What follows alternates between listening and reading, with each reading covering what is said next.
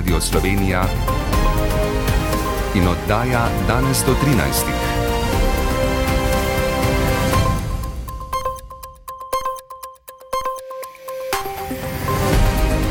Ura je 13. Dobar dan. Premijer Robert Golop je v nagovoru Evropskemu parlamentu posebej povdaril nujnost odločnejšega ukrepanja v energetski krizi. Kritičan je bil predvsem do Evropske komisije. It will not work, it's not enough. Kot je dejal, ni zadovoljen z ukrepi, ki jih je doslej predlagala komisija. Po njegovem mnenju ta ni naredila dovolj. V govoru je med drugim povdaril, da mora Unija državljanom Bosne in Hercegovine dati priložnost za evropsko prihodnost. Več po nekaterih drugih povdarkih odaje. Evropski parlament zaradi podkopovalne afere razrešil podpredsednico parlamenta Evo Kajli. Zaradi energetske krize znova povečan pretovor premoga prek koperskega pristanišča plavalka Katja Fajn do petega mesta na svetovnem prvenstvu z novim slovenskim rekordom. Pretežno oblačno bo, v notranjosti bodo temperature pod lediščem. Z vami sva Eva Lungi Kamarušič in Katja Kotnik. V Strasburu poteka plenarno zasedanje Evropskega parlamenta. Poslance je danes v okviru vrste razprav z naslovom To je Evropa, kot rečeno, nagovoril premijer Robert Golop. Teme nagovora so bile energetika ter zeleni prehod, vladavina prava in geopolitična prizadevanja Slovenije. Vsebino nastopa povzema Matej Hrastar. Predsednik vlade je nagovor začel in končal v maternem jeziku, v osrednjem delu pa spregovoril v angleščini. Kot strokovnjak za energetiko je povedal, da je Evropska unija v luči vojne v Ukrajini zadovoljivo naslovila vprašanje količine energentov, ne pa tudi vprašanja cen. Načrt Evropske komisije glede tega ni dovolj. Biti moramo bolj odločni pri omejevanju nihanja cen in pri kapici na cene plina, meni golob. Trgu moramo dati jasne znake. S tem sem si služil denar, zato vem, o čem govorim, je še dodal. Po njegovem mnenju je zeleni prehod edini, ki lahko omogoči uresničitev vseh treh ciljev: energetsko neodvisnost, prijaznost do okolja in niže cene. Izpostavil je celo ambiciozno željo, da bi Evropa v 10 do 15 letih v celoti prešla na obnovljive vire energije. Golob trdi, da je naš prehranski sistem neuzdržen in da se bodo nujno morale spremeniti tudi naše prehranske navade. Pojasnil je tudi svoje motive za vstop v politiko, ena od motivacij je bil pojav sovražnega govora. Cilj spodbujanja in tudi financiranja sovražnega govora je po mnenju slovenskega premijeja odvrniti spodobne ljudi od političnega udejstovanja. Zato misel si je prislužil aplav zbranih poslancev. Ob koncu je omenil, da ima vstop v Evropsko unijo izjemen učinek na državljane posamezne države, posledično se spremeni tudi politika. V luči tega je podprl podelitev statusa kandidatke Bosni in Hercegovini. Po nekaterih informacijah so se zato zauzeli tudi pristojni ministri evropskih držav, njihovo odločitev pa morajo v četrtek podpreti še voditelji na vrhu Evropskega sveta. Evropske poslanke in poslanci so danes skoraj soglasno izglasovali razrešitev podpredsednice parlamenta Eve Kajli, ki je bila nedavno aretirana v okviru obsežne protikorupcijske preiskave. V njej so štirje ljudje osumljeni podkupovanja, pranja denarja in sodelovanja pri poskusih Katarja, da bi vplival na politične odločitve Unije. Predsednica parlamenta Roberta Mecola je napovedala podrobno notranjo preiskavo afere in analizo, kako bi ustanovo bolj zavarovali pred korupcijskimi tveganji. Veleposlaniki članice Evropske unije so se sinuči dogovorili o zamrznitvi 6,3 milijarde evropskih sredstev, mađarski v okviru mehanizma pogojevanja izplačila evropskih sredstev z vladavino prava. Podprli pa so mađarski nacionalni načrt za ukrevanje, ki je podlaga za črpanje iz Evropskega sklada za ukrevanje po pandemiji COVID-a v vrednosti 5,8 milijarde evrov. Več rajka prevanje. Veleposlaniki držav članic o Mačarski na podlagi kršanja načel vladavine prava, javnega naročanja, učinkovitosti toživstva in boja proti korupciji svetu Evropske unije priporočili naj zamrzne 55 odstotkov oziroma 6,3 milijarde evrov. Veleposlaniki članic unije so glede na število in pomen ukrepov, ki jih je sprejela in zadovoljivo uveljavila Mačarska, ocenili, da tveganje za evropski proračun ostaja visoko.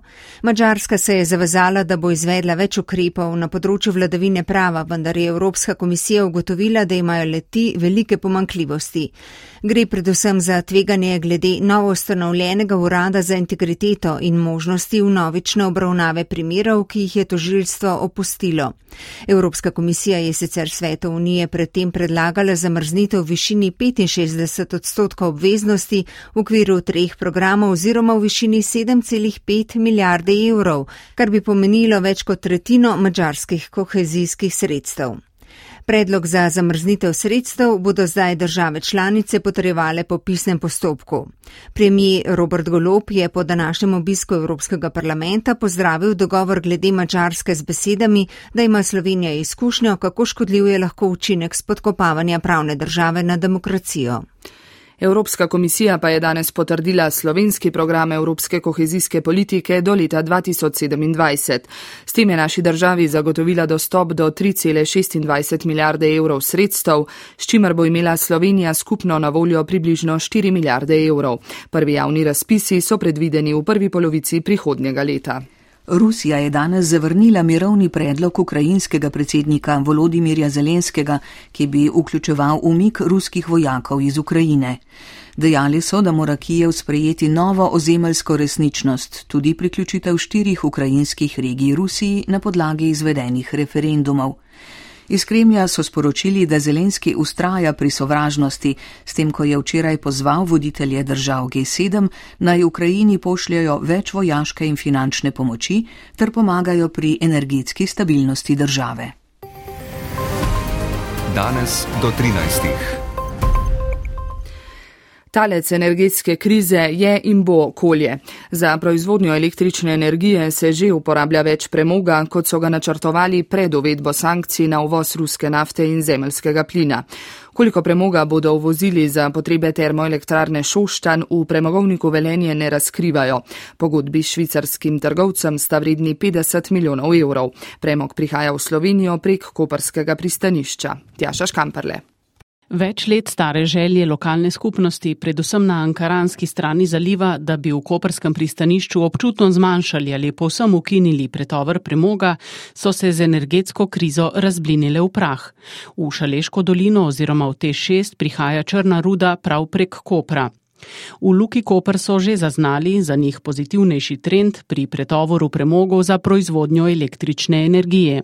Za slovenski trg so letos pretovorili 350 tisoč ton premoga, med drugim za potrebe Teša in Tetola. In odkot prihaja premog? Velenčani so pogodbo o dobavi sklenili švicarskim trgovcem Petrako Oil Company, obvladuje ga slovenska družina Pušnik, za Slovenijo pa dobavlja indonezijski premog. Pogovori potekajo tudi o nakupu na Balkanu in vzhodnji Evropi. V Kopru in predvsem v Ankaranu se nad vplivom premoga pritožujejo predvsem ob močnem vetru, ko sistem prekrivanja kupov premoga z mešanico celuloze prašenja ne prepreči v celoti. V zadnjih dneh pa je kritike slišati tudi na račun prepustnosti železniške proge od Kopra do Divače, nekaj lokomotiv je imelo na progi težave. V koperskem pristanišču so pred leti, ko je bil vrhunec, pretovorili dobrih 5 milijonov ton premoga v enem letu. V Ljubljanskem kliničnem centru so pred celovito prenovo notranjih prostorov v osrednji stavbi vse intenzivne terapije preselili v začasne prostore, ki so jih za ta namen prenovili tako, da omogočajo boljše pogoje za bolnike in zdravstveno osebje. Priprave na glavno prenovo se bodo začele še ta teden, pravi vršilec dožnosti generalnega direktorja Marko Juk. Mi bomo kljub prenovi zagotavljali vse čas 24-7 delovanje bolnišnice in to je izjemen izziv ampak verjamemo, da s takšnim previdnim vstopanjem v prenovo bomo lahko zagotavljali varnost. Za obiskovalce ne bo nič drugače.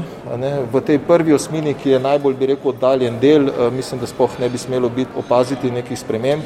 Potem v procesu, ko se bo bolj centralni del UKC-ja eh, prenavljal, takrat bodo neke prilagoditve. Vendar to sledi čez pol leta.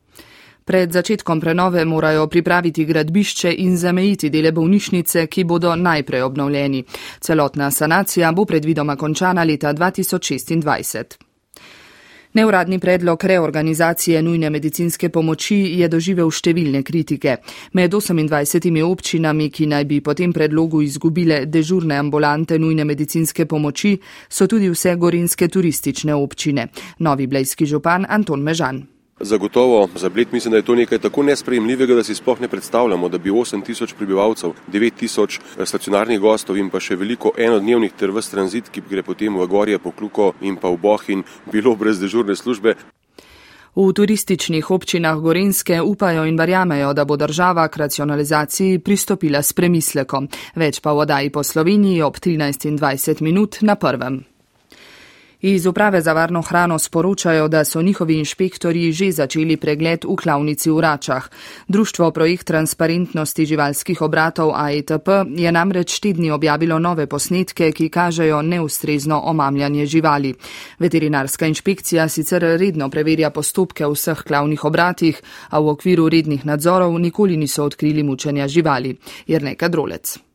Aktivisti so doslej opozorili na domnevno nedopustne razmere za živali v farmi Ljutomerčan, vendar uradni nadzor tam ni našel večjih nepravilnosti.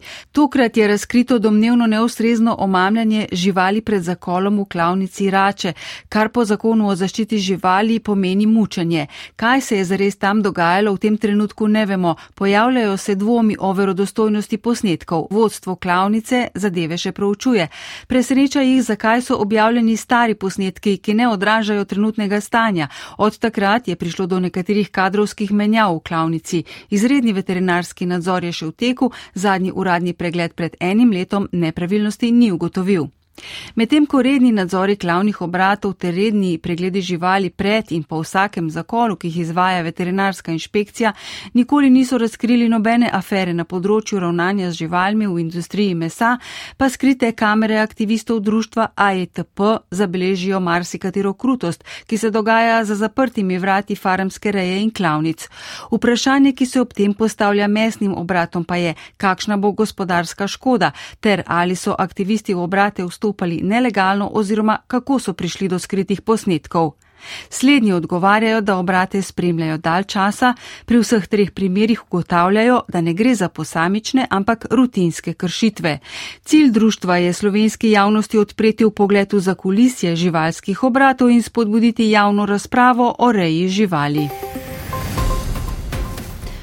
Še enkrat povejmo, da je premijer Robert Golop v nagovoru Evropskemu parlamentu pozval Unijo k odločnejšim energetskim ukrepom. Zauzel se je tudi za širitev Evropske unije na Zahodni Balkan s povdarkom na prizadevanjih za podelitev statusa kandidatke Bosni in Hercegovini. Danes so se za to zauzeli tudi pristojni ministri članic. Evropske poslanke in poslanci so medtem danes skoraj soglasno izglasovali razrešitev podpredsednice parlamenta Eve Kajli, ki je v priporu po obsežni protikorupcijski preiskavi. V športnem delu odaje se bomo posvetili dvema svetovnima prvenstvoma, plavalnemu in nogometnemu. Z vami bo Franci Paušer. Hvala za pozornost in prijetno popovdne. Prvi dan svetovnega prvenstva v plavanju v kratkih bazenih v Melbournu sta nastopili dve slovenski tekmovalki, obe sta plavali v času novih slovenskih najboljših rezultatov. Za prvo finalno uvrstitev pa je poskrbela Katja Fajn, več Marko Pangrc. Katja Fajn je v dopoldanskem sporedu s sedmim mestom ujela finalni nastop na 400 metrov prosto, v drugem nastopu pa plavala še hitreje. Po nastopu sicer povedala, da ima še ogromno rezerv v prvi polovici te discipline, a Katja Fajn je s časom 4.1.46 za 33 stotink sekunde popravila lasten slovenski rekord iz leta 2019 in svoj prvi nastop v Melbournu zaključila na petem mestu. Podpala sem državni rekord, s tem tudi osebni rekord in s tem sem zadovoljna. Mogoče sem vseeno prvih 200 metrov malo prepočasi začela, zaenkrat se še nekako navajam nazaj plavati to disciplino ki, ki sem jo včasih res plavala cel čas, tako da mislim, da sem na pravi poti za to, to kaže tudi osebni rekord in pa peto mesto na svetu je super dosežek. Na prvih dveh mestih sta bili razred zase avstralka Leni Pellister in novozelandka Erika Fairweather. V času novega rekorda je plavala na 50 metrov delfin tudi Neža Klančar in v zgoščeni konkurenci zasedla končno 18. mesto. Za nova svetovna rekorda so v štafeti 4x100 prosto poskrbeli italijani in avstralke. Luka Dončić je dosegel nov rekord ob 14. zmagi Dallasa, tokrat nad Oklahoma 121-114, je Luka vknjižil 38 točk in 11 skokov, za trojni dvojček sta mu zmanjkali dve podaji. Dončić je že na 34. zaporedni tekmi presegel mejo 20 točk in izenačil najdaljši niz v zgodovini Dallasa. To je pred njim v statistiko upisal le še Mark Aguirre pred tremi desetletji. Na tretjem mestu te klubske lestvice je Nemec Dirk Novicki. Na svetovnem nogometnem prvenstvu imajo štiri najuspešnejše države pred seboj, še vsaka po dve najpomembnejši tekmi. Zvečer prva polfinalna med Argentino in Hrvaško, obe reprezentanci sta se med četverico uvrstili po izvajanju 11 metrov in obe imata v svojih vrstah vodi in kapetana, ki sta že prejela zlato žogo za najboljšega nogometaša. Argentina Lionela Mesija, Hrvaška Luko Modriča. Bolj kot lepota nogometne igre bo po 20 uri v spredju rezultat.